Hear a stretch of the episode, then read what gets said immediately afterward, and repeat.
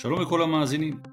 שמי אופיר אנג'ל ואני היושב ראש הישראלי של אוריין, פירמת הייעוץ הבינלאומית המובילה בישראל. אוריין ישראל היא חלק מרשת משרדים בפריסה בינלאומית הפועלת בלמעלה מ-70 מדינות ומעל 300 סניפים בעולם. במסגרת ערוץ הפוסטקאסים שלנו, אנחנו שמחים לשתף אתכם בעונת המשדרים המיוחדת המתמקדת בעולם מדעי החיים והיישומים העסקיים שלהם. אנחנו נארח כאן אנשי מפתח ובעלי דעה שישתפו אותנו מנקודת מבטם בחידושים ובעדכונים האחרונים מהעולם העסקי ומהעולם האקדמי, המחקר והיישום.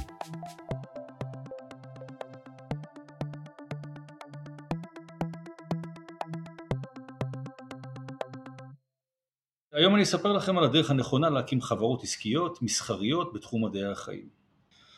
רקע כללי לתחום מדעי החיים והיישומים שלו, למי שפחות מכיר את העולם הזה. המושג מדעי החיים Life Science מתאר קבוצה של תחומים במדעי הטבע, העוסק בחומר החי על פני כדור הארץ, בהתפתחות החיים, בהשלכות יצורים חיים על הסביבה וביחסי הגומלין בין יצורים חיים. מדעי החיים מסועפים במיוחד וכוללים מגוון רחב של תחומים. פרט לכל תחומי הביולוגיה נכללים במדעי החיים גם גנטיקה, ביוכימיה, ביוטכנולוגיה, ביואינפורמטיקה, אקולוגיה, מדעי המוח וכן תחום הרפואה והנושאים הכלולים בו נחשבים כחלק ממדעי החיים. הצד העסקי של עולם מדעי החיים מאופיין בראשיתו במחקר המשמש כבסיס לתחומים יישומיים רבים, ביניהם ביואינפורמטיקה כמו שציינו מקודם, חקלאות, ננו ביוטכנולוגיה, מדעי המוח, תעשיות הביומד, הפארמה ועוד. במסגרת האמצעים היישומיים ניתן לראות שילוב של תחומי מדע רבים נוספים, למשל בתחום הביואינפורמטיקה ניתן לראות יישום כלים בתחום מדעי המחשב, המתמטיקה, הסטטיסטיקה ותורת המידע לצורך עיבוד ומידע ביולוגי רחב היקף. כלים אלו כוללים מודלים מתמטיים, אלוגריתמים ותוכניות מחשב שמתאפיינות בהתמודדות עם מאגרי מידע גדולים ופתרון בעיות מסובכות ברמה גבוהה. כמו שאתם רואים, תחום מדעי החיים הוא תחום בפני עצמו רחב, וכמובן שתחומים רבים נוספים נושקים אליו במהלך חיים מסביב.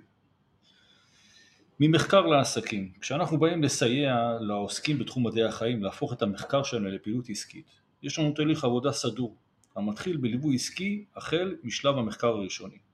גיוס ההון והמימון למחקר, בדיקות היתכנות עסקיות, בנייה של מודל עסקי ותוכנית אה, עסקית, תכנון של מבנה ארגוני, מבנה חברות ורישום חוקי, וכל זה במעבר ממחקר לייצור, בניית מערכי שיווק ומכירות. המטרה שלנו לסייע לאנשי המחקר להשלים את המעבר לפן היישומי ולהצליח עם היישום בעולם העסקים.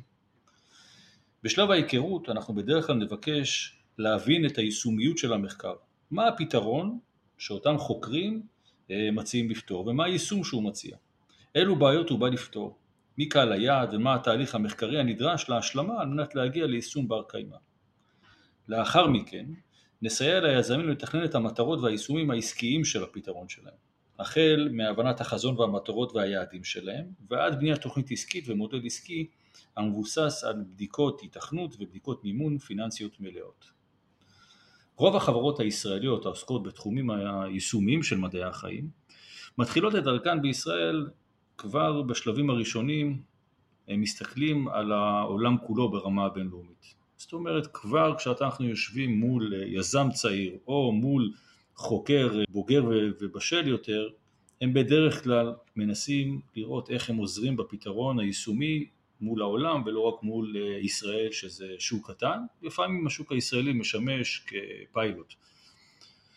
בהתאם גם הליווי המקצועי שלנו, כבר משלב ראשון אנחנו צופים לפני העתיד ולוקחים בחשבון כי השלב היישומי אולי יתחיל בישראל אבל היישום העסקי צריך להיות בינלאומי. תהליך הבנייה וההתפתחות של מיזם יכול להיות בשלבים מדודים וסדורים, החל מהקמת פעילות מקומית בישראל ולאחר מכן יציאה לעולם במספר שלבים. לעיתים ניתן גם לפעול בדילוגים ולעבור בקפיצה מהירה מספר שלבים קדימה. ההחלטה בעניין האם לפעול בקצב איטי או בקצב סדור ונוח אה, לעומת התקדמות אה, מהירה יותר קשורה למספר גורמים שיש לשכלל אותם מבחינת המהות של הפרויקט, התקדמות המחקר והמעבר לשלב היישומי.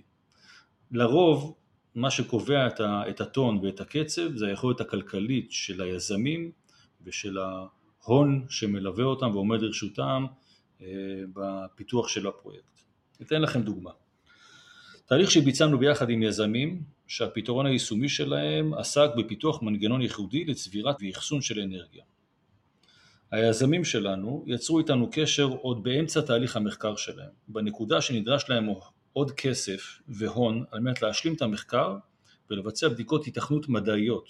אנחנו לא מדברים על בדיקות היתכנות פיננסיות, קודם כל רוצים לראות שהפתרון הוא בר ביצוע ובר קיימא. במסגרת גיוס ההון החסר היה צריך קודם כל לקבל החלטות לגבי המבנה המשפטי של הפעילות. זאת אומרת, כבר להתחיל לארגן ולמסד את הפעילות של אותם אה, חוקרים אה, יזמים.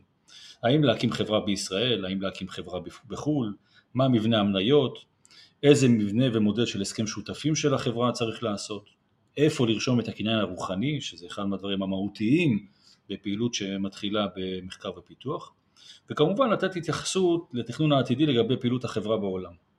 היה צריך לשכלל את הדרישות של המשקיעים הישראלים וגם המשקיעים הבינלאומיים שהצטרפו אה, בתקופה הראשונית של הפעילות של החברה. לאורך המשך תקופת הפיתוח השגנו הטבות מדינה, מענקים בישראל שהסייעו לחברה להמשיך לצמוח ולאחר כשנה וחצי החברה עמדה והשלימה את הפיתוח והתחילה בייצור מצומצם בישראל. במקביל הקמנו לחברה חברת בת לשיווק ומכירות במרכז אירופה. עם התרחבות המכירות הקמנו מפעל במדינה אירופאית שבה תהליך הייצור זול יותר וכן הלוגיסטיקה מאפשרת המשך התרחבות.